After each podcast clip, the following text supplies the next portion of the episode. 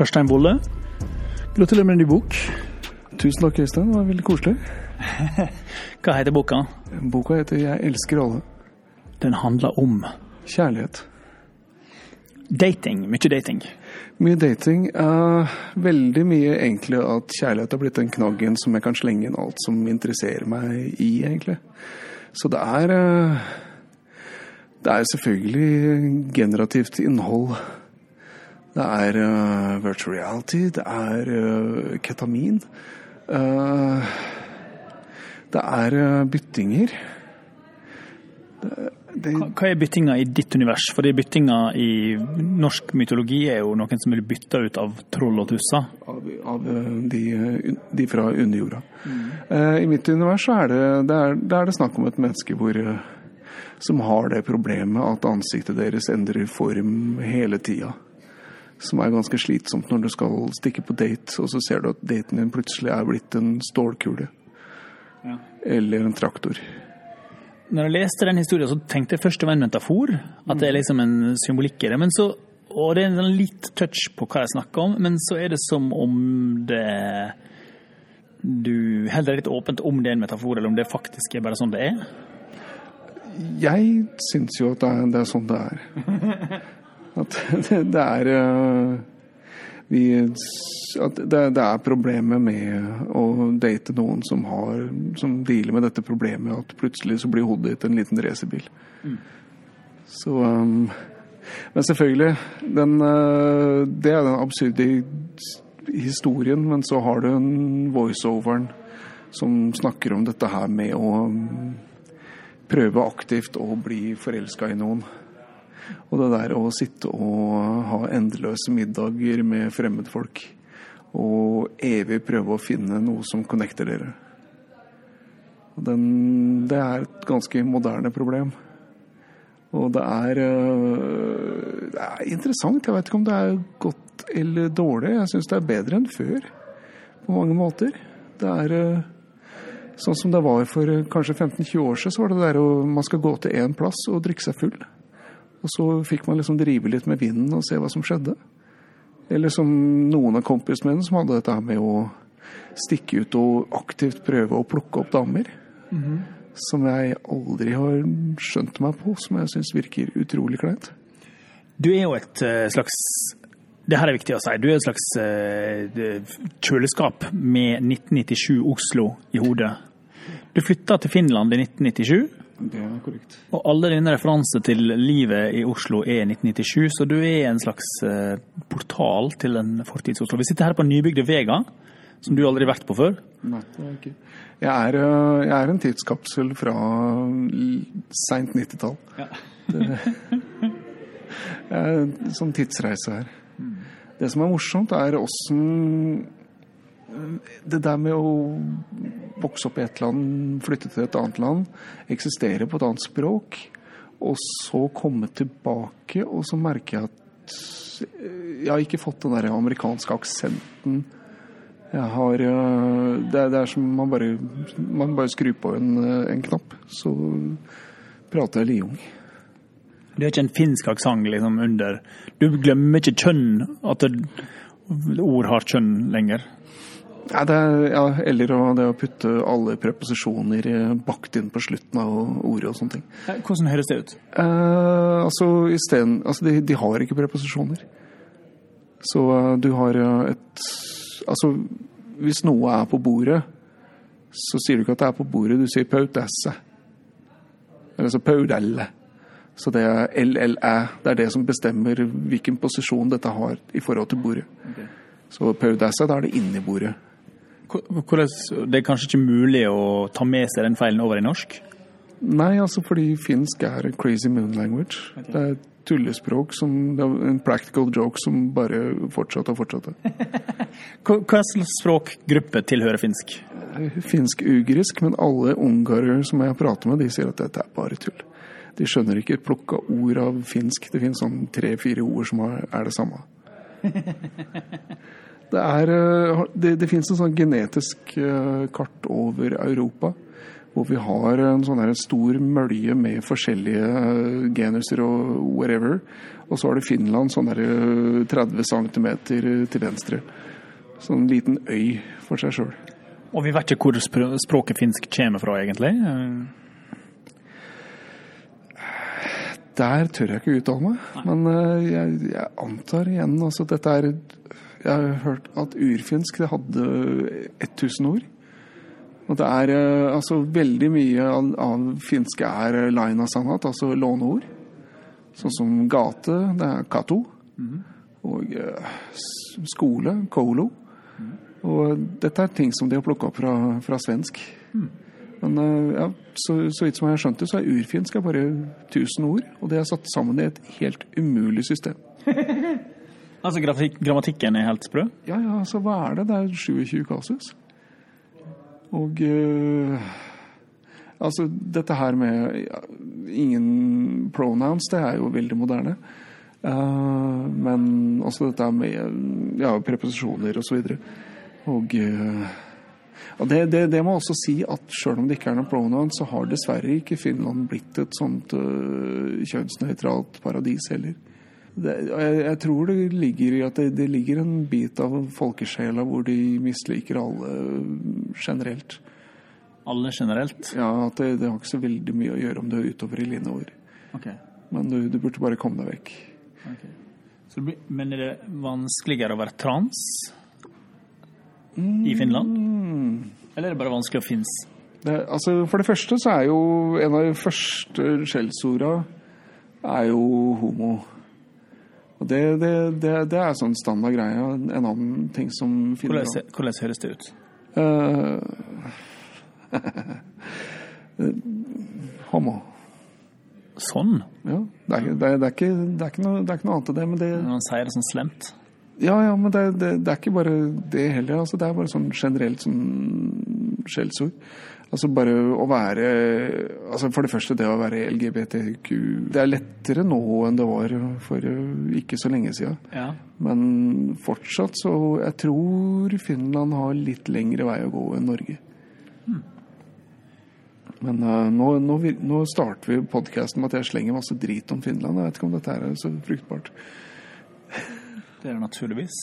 Ja. Nei, men jeg, jeg gjør meg kanskje litt mors morsom på finnenes bekostning. Men det er også fordi at jeg elsker deres særheter. Og eh, jeg veit ikke Det, det fins en respekt for folks integritet som er helt enestående. Som som gjør litt det der at denne sosiale boblen jeg vil si I Norge så er det kanskje én meter, den intimitetsbobla. Finland ja, to og en halv meter. Du har sett det bildet av en finsk busskø? Har du Nei, det? men jeg så en norsk busskø for et par år siden, og det var, det var en meter mellom hver person. Det sto liksom som porsjonert ut enkeltvis. Ja. Eh, Det er gøy at en finsk busskø er det samme, men enda lenger. Ja, det er det. Er det. Altså, det. Var det så mye som en meter, altså? Ja da, ja, jeg var på Sagene. Ok, og da, da er det håp. Ja, vi, er, vi har fortsatt vår, vår nasjonalarv på plass. Ja. Ja, men det, det er det, altså Det der å være mutt og stille og Det er øh, veldig undervurdert. Det å være litt sliten og smågretten og grynte småting. Og ikke hele tida påminne verden om at man eksisterer. Det er undervurdert. Jeg har vel fortalt mange folk om eh, verdens farligste snikskytter. Sn- Ja, ja, ja. ja. Haug-hæ. Ja. Er det sånn man sier navnet? Ja, ja. Hvordan har du sagt det? Simo Heihæ. Nei, beklager. Eh, Haug-hæ.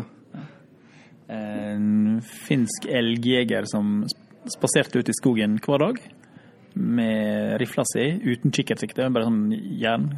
eh, Og og ei lita notisbok.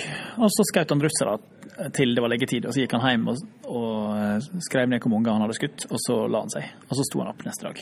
Ja, det er, det er sånn stoisk, eh, metodisk måte å gjøre det på. Ja.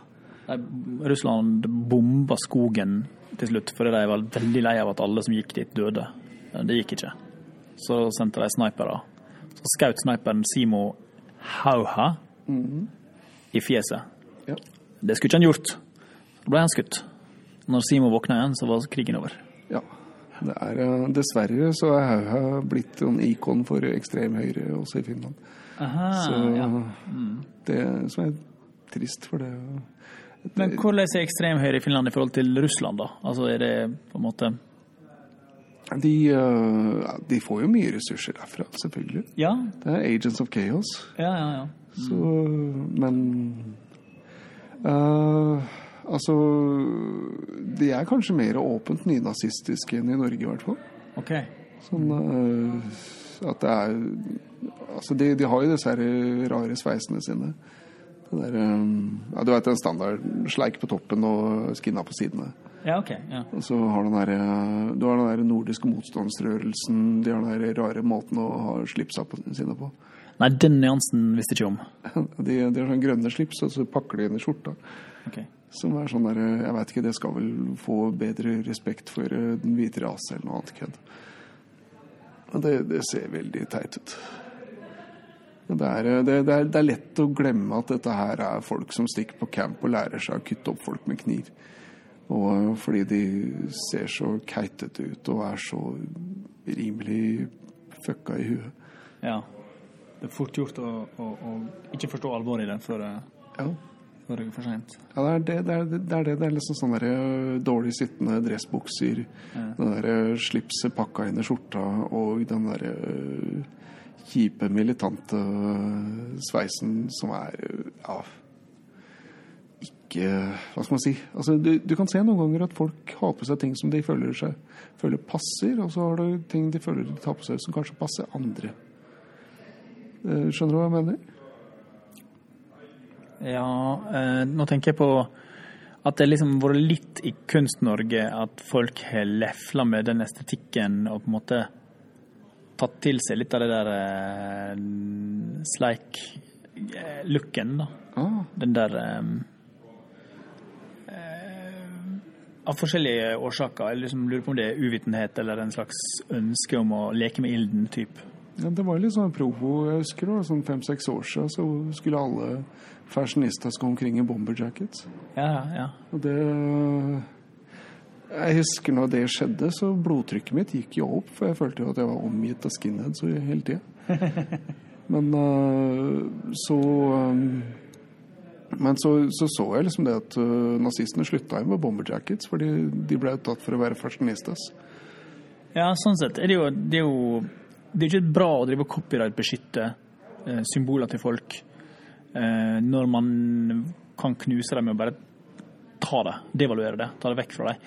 Egentlig f.eks. den der voldsomme panikken for hakekors gjør jo at hakekorset har en potent energi den dag i dag, fordi at liksom ingen bruker det. Ingen gjør noe med det.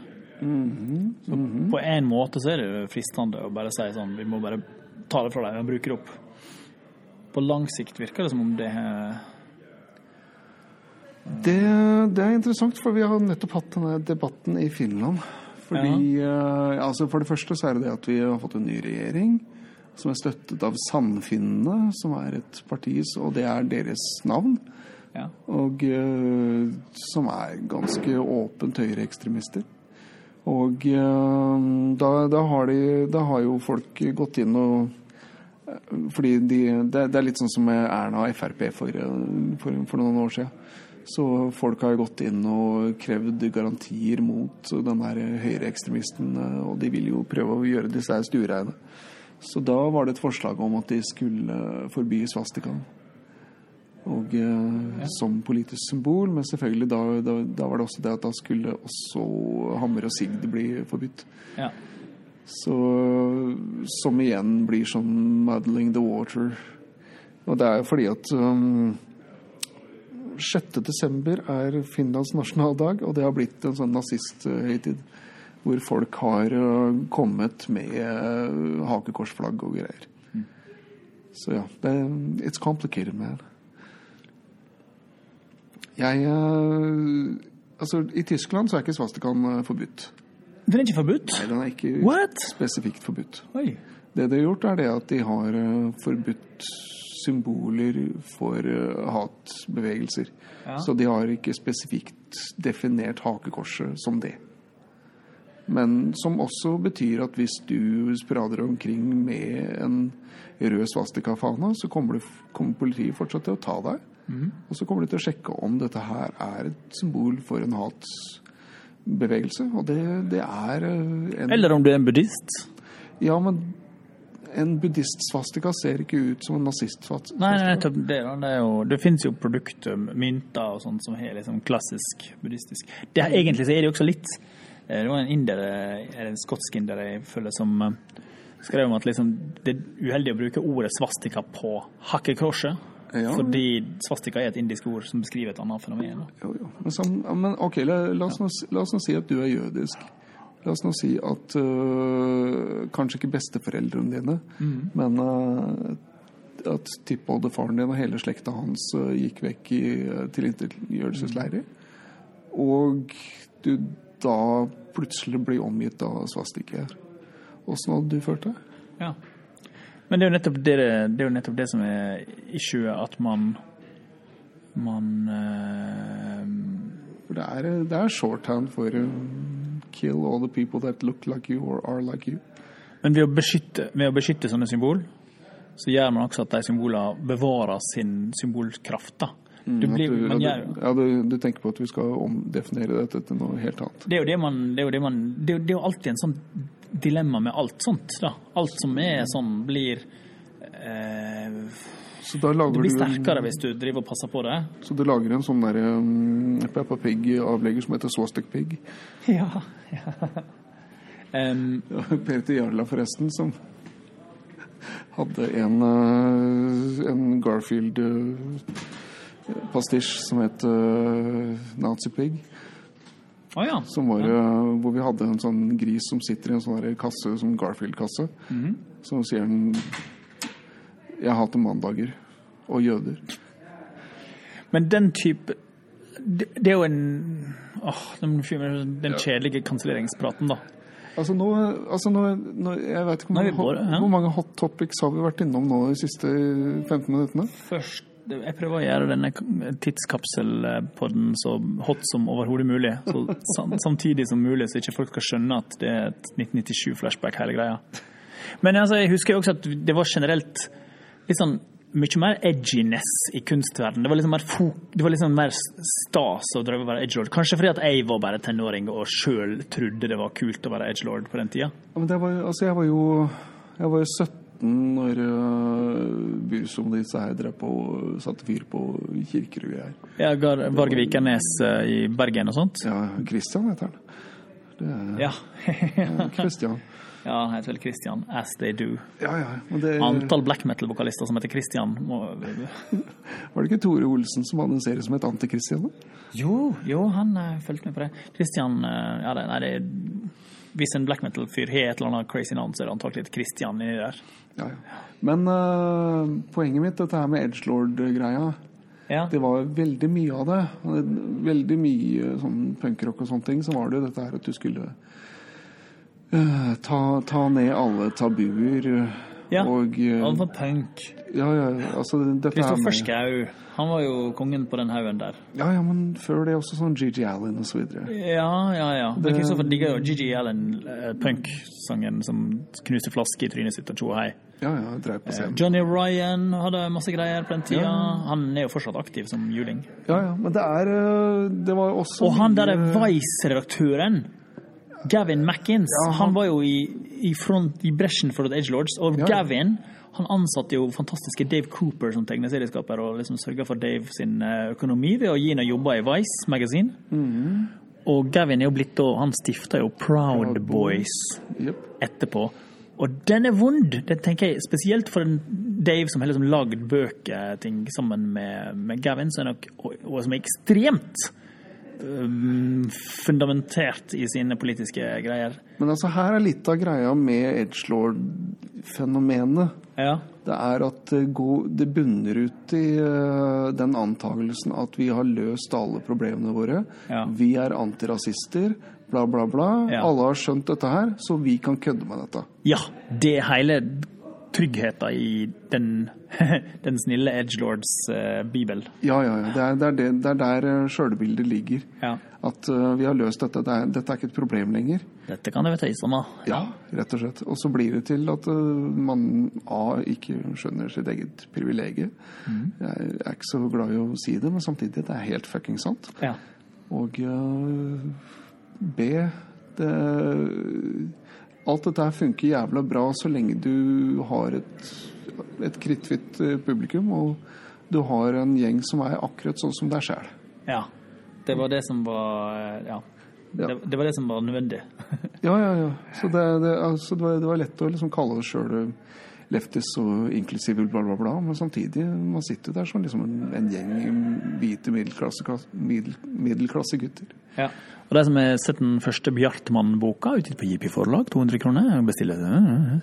De kan finne mange spor av Øysteins edgelording fra denne fasen. Så det er, det er vel en del faktorer fra verden, fra verden som hadde litt slåling også. Det er, jeg vil ikke at folk går igjennom bøkene for å finne eksempler på det. Jeg vil ikke at folk skal kjøpe masse Bjartmann-bøkene fra Givi Forlag, 200 kroner, for å finne eksempel på alt dumt jeg har gjort. Poste det på Twitter, kansellere meg. Kanskje lage TikToks om det. Kim Holm med sine 1,8 millioner TikTok-følgere. Jeg vil ikke at Kim skal lage sånn Øystein Runde, sånn asshole TikToks som millioner av mennesker over hele verden skal se. Altså, du må bli like poppy som Jordan Peterson først, da. Ja, Kim Holm er jo en slåsskamp med Jordan Peterson på Nei, det han har sånn, Jeg sjekka det der òg. Kim Holm har posta sånn Han fikk en sånn Pronouns in bio.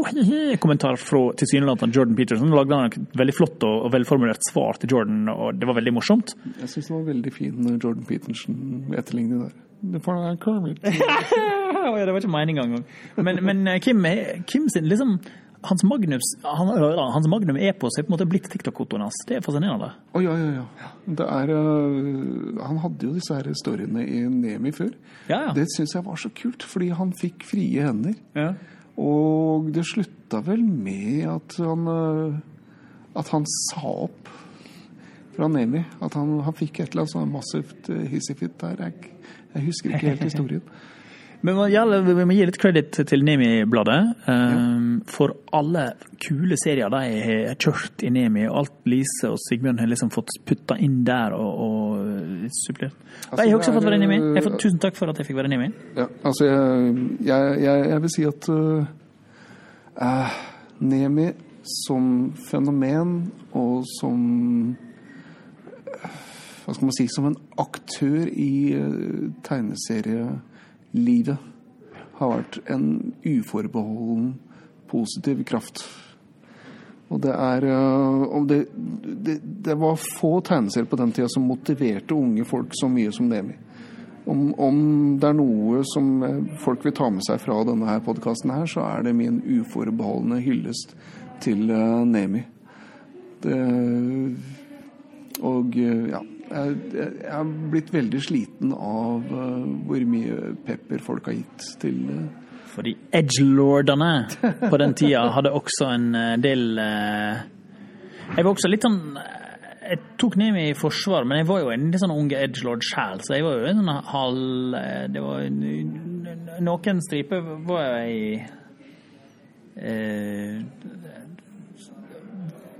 Syns jeg var snåle, men eh, all in all så var jeg Ja. Men ja, OK. Få høre. Hva da?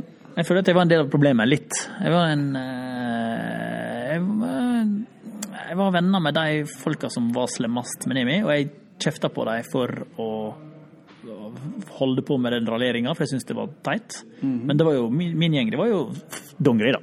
Flu og Kristoffer Kjølberg spesifikt. Nå skal katta ut i sekken! Ja. Og jeg tror verken Flu eller Chris Kjølberg forsto at de var, på en måte hadde makt og kulhet i tegneseriemiljøet, for de følte seg bare som raringer i skolegården uten penger, uten Ja, men der har du uten det. Helst, det er samme edgelord-greia. Vi, vi, altså vi, vi, vi har allerede løst alle greiene, og vi er de kule greiene, så da er, det, da er det helt ok at vi kødder med dette her. Og, og det er det også. Jeg syns jo det Jeg syns jo man skal få lov til å kødde med alt. Men det blir ofte til at det blir én greie. Det blir ofte til at det blir én greie. Ja. Altså at det blir Jeg vet ikke Et eller annet med bjelken i e- eget øye osv. videre. Det var udefinert. Du må Jeg vet, jeg er veldig vag nå. Jeg, er, jeg har hatt en veldig lang dag. Um, Ok, En veldig gøy mobbeserie var når Flu lagde Inga Sætre-tegneserie. Uh Og to jenter som sitter i en sofa med et pledd, og så har de sånn større og større tekopper. De har sånn tekopper som er på størrelse med kroppen sin. Så har han en blyantestetikken til Inga spotta han. Den, den er veldig morsom og veldig snill også. Ja den er jo ja. Nei, det var, det, var, eh, det var jo litt sånn at Nemi fikk eh, mye tyn. Det var jo litt fordi at den var ekstremt suksessrik ekstremt fort. Den hadde liksom ordentlig, ordentlig, ordentlig mye fans. Yep. Yep. Mer enn anything, liksom. Og det er jo en da, da er det ofte med at de liksom sultne, fortvilte som har jobba i årevis og ikke fått noe som helst med penger, kan bli litt sånn assy, da.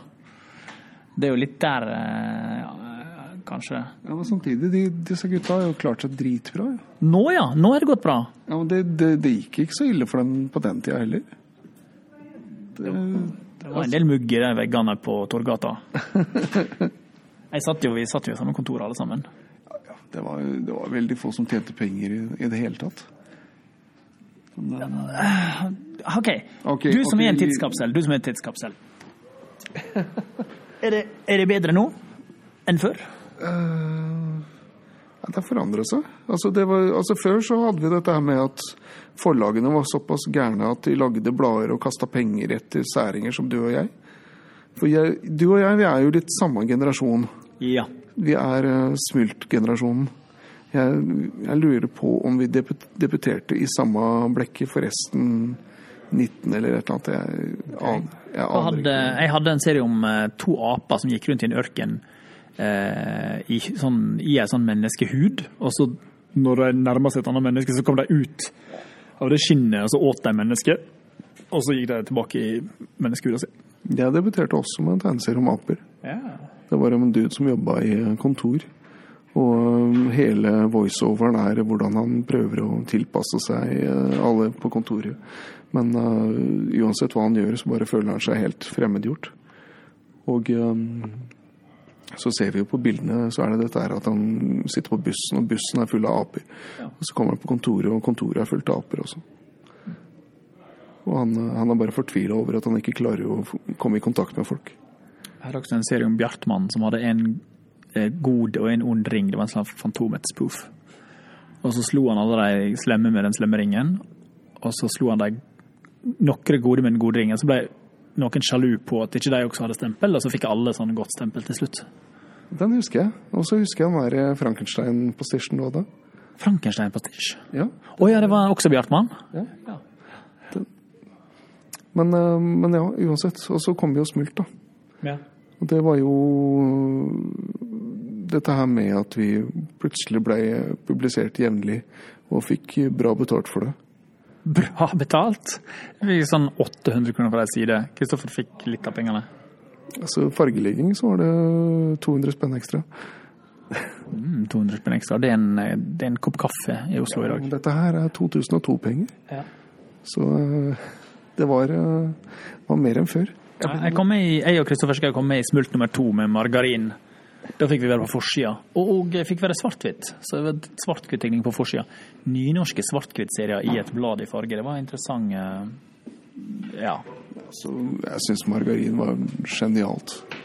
Det, det var, jeg jeg blei så imponert. Og jeg syns det er synd at dere ikke lager flere tegneserier sammen. ja. Vi har lagd podkast i dag, da. Ja, ja. Podkast er podkast. Ja. Nei, det var vel ingen, det var vel ingen som eh, fant ut hva de kunne bruke oss til sånn tegneseriemessig. Så, så vi holdt på mens, vi, mens bladet fantes, og så når bladet gikk dunken, så Jeg sendte den til Vice Magazine, faktisk. Gode gamle. Etter at han nazien Gavin Mackins hadde slutta som redaktør. Okay. Da hadde jeg en ny tegneserieredaktør som heter Nick Gazen. Han digga Ida. Han forguda Ida Neverdal, min venn Ida. Ja, ja. Eh, og hadde henne som fast, og så sendte jeg inn også. Og så fikk jeg tilbake sånn It's a little more nightmarish and disgusting than I was hoping for. Ja, han han tok ikke feil. Det er bare om du liker det eller ikke. Det var Vice Magasin, altså, som syntes Ja, grunnlagt av en bona fide nazist som syns at eh, min tegneserie er for nightmarish and disgusting. Takk skal du ha. Jeg burde trykke opp til T-skjorte med. Eh, ja, faktisk. Det, eh, det Men det er liksom Men Vice er sitt godt eksempel på edgelord-bølgen. Ja, Det var ja. veldig edgelordete, spesielt da. Ja, ja, ja, men altså, det er Før- vel men Vice er vel fortsatt litt sånn derre uh, Ketamine in Argentina.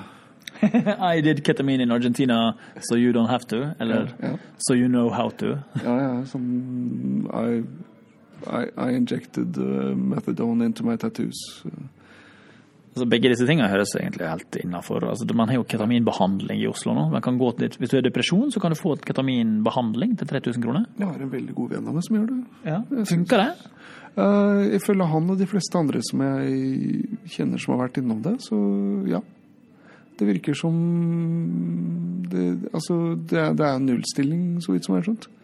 Du, du får en pause fra depresjonen din. Ja, det er uh, så vidt Altså Ok, Det finnes veldig mange teorier rundt depresjon. Ja. Og en av dem er jo dette her med at uh, Hva var det? De gjorde en uh, scan av hjernen til noen som gikk omkring og sa at de følte seg nesten døde. Så så de på hjerneaktiviteten at den nesten ikke fantes i det hele tatt. At det er øh, det, Så vidt som jeg har skjønt med disse her øh, behandlingene, så gir det mulighet for disse nevronene å skape nye pathways. Å ja. Men, men når du tar en ketaminbehandling, eh, må du bygge opp personligheten på nytt? Eller er det sånn at hvis du har en deppete personlighet, så begynner du etter hvert å deppe likevel, fordi du har liksom oppgåtte skispor inni hjernen som, som den vil gå? Altså, det er en Altså, nå er det dritvanskelig å si noe generelt om dette, men, eh, men for veldig mange så er det dette her at de setter seg fast i et spor. Ja.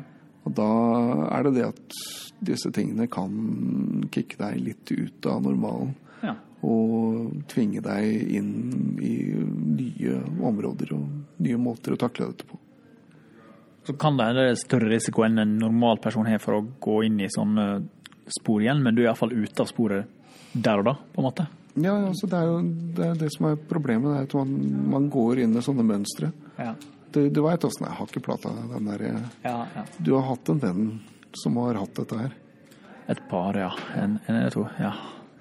Og da, da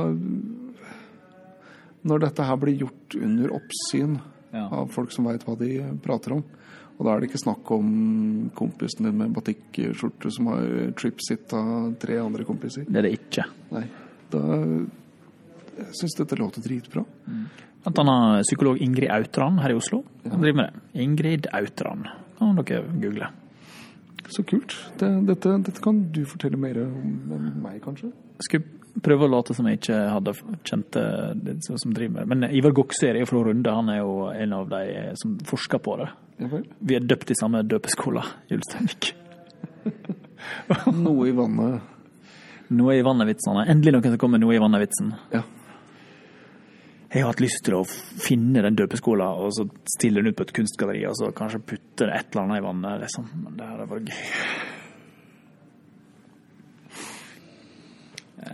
Men det er vel litt narsissistisk. En smule narsissistisk. Altså, det virker jo mer som en hyllest til Ulsteinvik.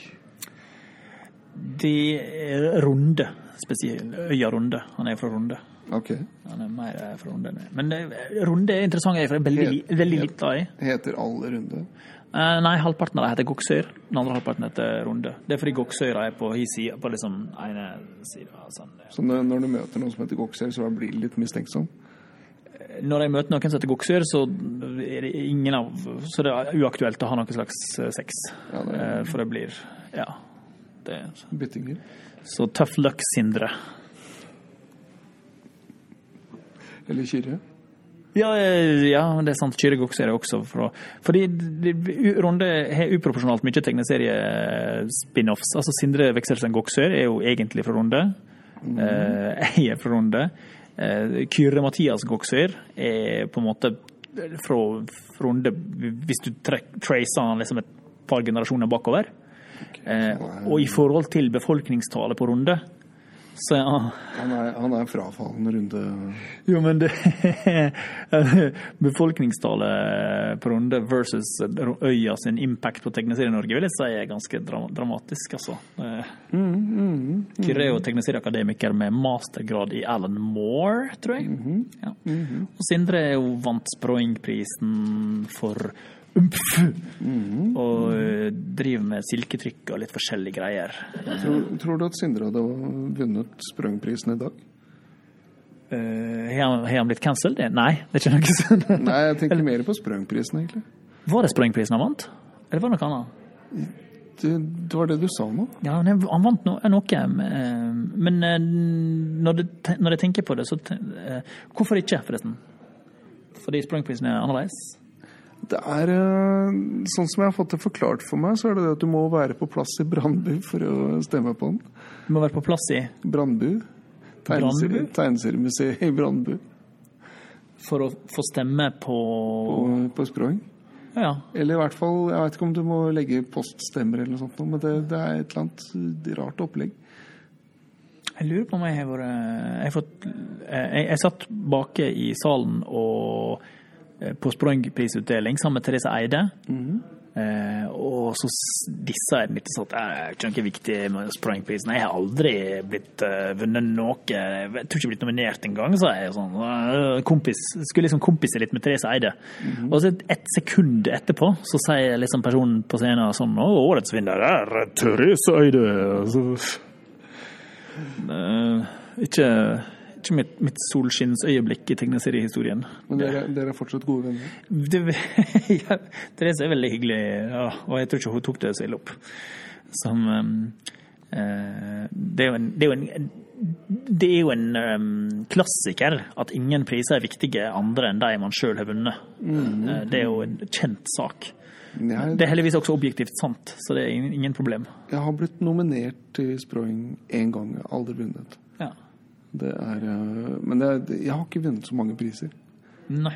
Det er eh, det, Altså Hver gang jeg tror at denne gangen så skjer det, så dukker det plutselig opp noen yngre enn meg, som er flinkere enn meg, og som lager bedre ting enn det jeg lager. Så det er slitsomt. Det er deg som er problemet. Men, men Den der jævla kvaliteten det gjør. Ja. Føler du at du slapp unna med å lage ekstremt merkelige ting? For det var en eh, Ville Vesten-fase i Tegneserie-Norge akkurat når vi debuterte med henholdsvis Fakta verden og Margarin, som er to Sofies verden. Sofies verden. Eh, det er ganske sånn rare ting, da, som Ja. fikk passere og fikk komme på trykk. Ja, men det, og det jeg må jo først si at jeg, jeg gikk jo ikke inn for å lage rare ting. Nei. Jeg ville jo bare lage bra ting, noe som var morsomt. Ja. Det, så det var ikke sånn at jeg satte meg ned og tenkte at nå skal jeg jaggu være sær. Det, det kom jo bare ut av det jeg sjøl syntes var morsomt. Og det, også det der at jeg aldri klarte å komme på en kul figur. Jeg har aldri klart å finne på en sånn hovedperson. En uh, ja, ja, Den definerende figuren. ja, Bob og den rosa bananen hans. Ja. Det, er- det, der ser du jeg prøver, så blir det bare enda rarere. Det, mm, jeg har aldri fått meg til å tro på det der. Og, så, og da Det er liksom sånn første du må klare for å kunne komme deg inn i dette her. Jeg, jeg hørte om noen som altså Jeg har ikke lest dette sjøl, men det er visstnok et intervju med Jim Davis der ute, hvor han prater om at han kan høre Garfields stemme i hodet sitt. Ja, men fig figurer kan skrive manus sjøl. De kan liksom gjøre jobben sjøl. Det er veldig digg når de begynner å ta over. Det er, det er det, den, den, den har jeg aldri klart. Nei, du har aldri hatt det sånn. Ja, Samtidig ville jeg lage tegneserier. Så det er jo jævla dårlig utgangspunkt. Så det, det var det jeg satt og rev meg litt i håret, for jeg ville lage tegneserie. Og så dukka den her Fakta fra verden-ideen opp, da. Det er på en måte ren informasjon i Ren tøysete informasjon. Levert så tørt som mulig. Ja. Det, og det, er, det, det kommer av sånne ting, sånn som at uh, fattern abonnerte på det beste og sånne ting. Ja. Som jeg fortsatt syns Jeg, jeg har hørt at de fortsatt publiserer det beste. Ja da, jeg, jeg googla det for ikke så lenge siden. Jeg var også litt fascinert over at Readers Digest, eller Det Beste, eh, publiserer sitt slags eh, litt av alt-magasin med artikler om alt som Ja, det er, det, er, det er sånn Hvis du ikke gidder å lese fem andre blekker, så, kan, så har du dette her. Og de, de, det som er kult, var det at de lagde disse bøkene som var sånne kortversjoner av store klassikere. Å ja, ja, ja, ja. Det bestes eh, Hva heter det? Forkortere Nei. Ja, de, de, jeg tror det bare het liksom Det beste serie, og så var det sånn Jules Verne og sånne ting. Bare at det var uh, 30 sider istedenfor 90. Liksom. Det er jo en litt fin tanke, på en måte. Ja, ja, ja. Det, det er det der at uh, største problemet med verdenslitteraturen er at uh, it's too much fat. Det er det kan fatte seg mer i korthet. Sånn War and Peace og sånne ting. Men, men uansett Ja, det beste Mye sånn her Ikea-instruksjonsgreier og også dette her med at jeg leika meg med vektografikk. og grafikk. Som jeg syns var uh, jævla morsomt. Det var en veldig fin estetikk på eh, den Fakta fra verden-serien, og du har forlatt den litt. Ja, fordi jeg gikk lei. Altså, jeg holdt jo på med fakta i elleve år. Var det veldig tidkrevende å jobbe på den måten, eller var det effektivt? Det var effektivt, det gikk kjapt. Det, altså, det er det som er altså, du, du får en spesifikk look veldig lett. Og greia er det at jo flinkere du tegner, jo mindre morsomt blir det. Så det, du, du kan ikke det, det, det må være enkelt, gjerne litt dumt også. Og det, kan gjøre veldig mange folk sure. Det, det blei veldig mye sure reaksjoner da når vi dukka opp. Jeg husker vi hadde presentasjon av første fakta fra boka på loftet på Grieghallen på Raptus 2004. Eh, Jeg hadde vært ute på galeien kvelden før og var sånn rimelig sliten. Og vi har en gjennomgang, og gjennom hele greia så sitter en sånn gutt helt framerst og bare sånn stirrer olmt på meg. Og, eh, Og den gutten var Arild Midthun. men, eh, uansett- Kanskje tegne. Ja, men Det var akkurat det som skjedde. Han, eh, til slutt så hadde vi ti minutter over, så spurte jeg har du noen spørsmål. Ja. Kan du tegne? og det kjipe var det at jeg, jeg kom ikke på noe sånn snappy answer. Jeg, jeg sa noe sånn veldig dølt og ja, jeg har liksom gått på en kunstskole. Ja. så det er utrolig kjipt. Og så etterpå så har jeg tenkt på liksom, så mange måter jeg kunne sagt det på en kulere måte. Men eh, nei, det, jeg, jeg skylder på fyllesyke, og at jeg, jeg blei helt blindsided av hvor provosert eh, visse folk blei av eh, Fakta fra verden. Og så kom det en sånn gammel gubbe lengst bak i salen som, som, står der sånn Ja, hvis alle holder på med sånn datagreier og sånn, det blir ikke noe tegning igjen, da?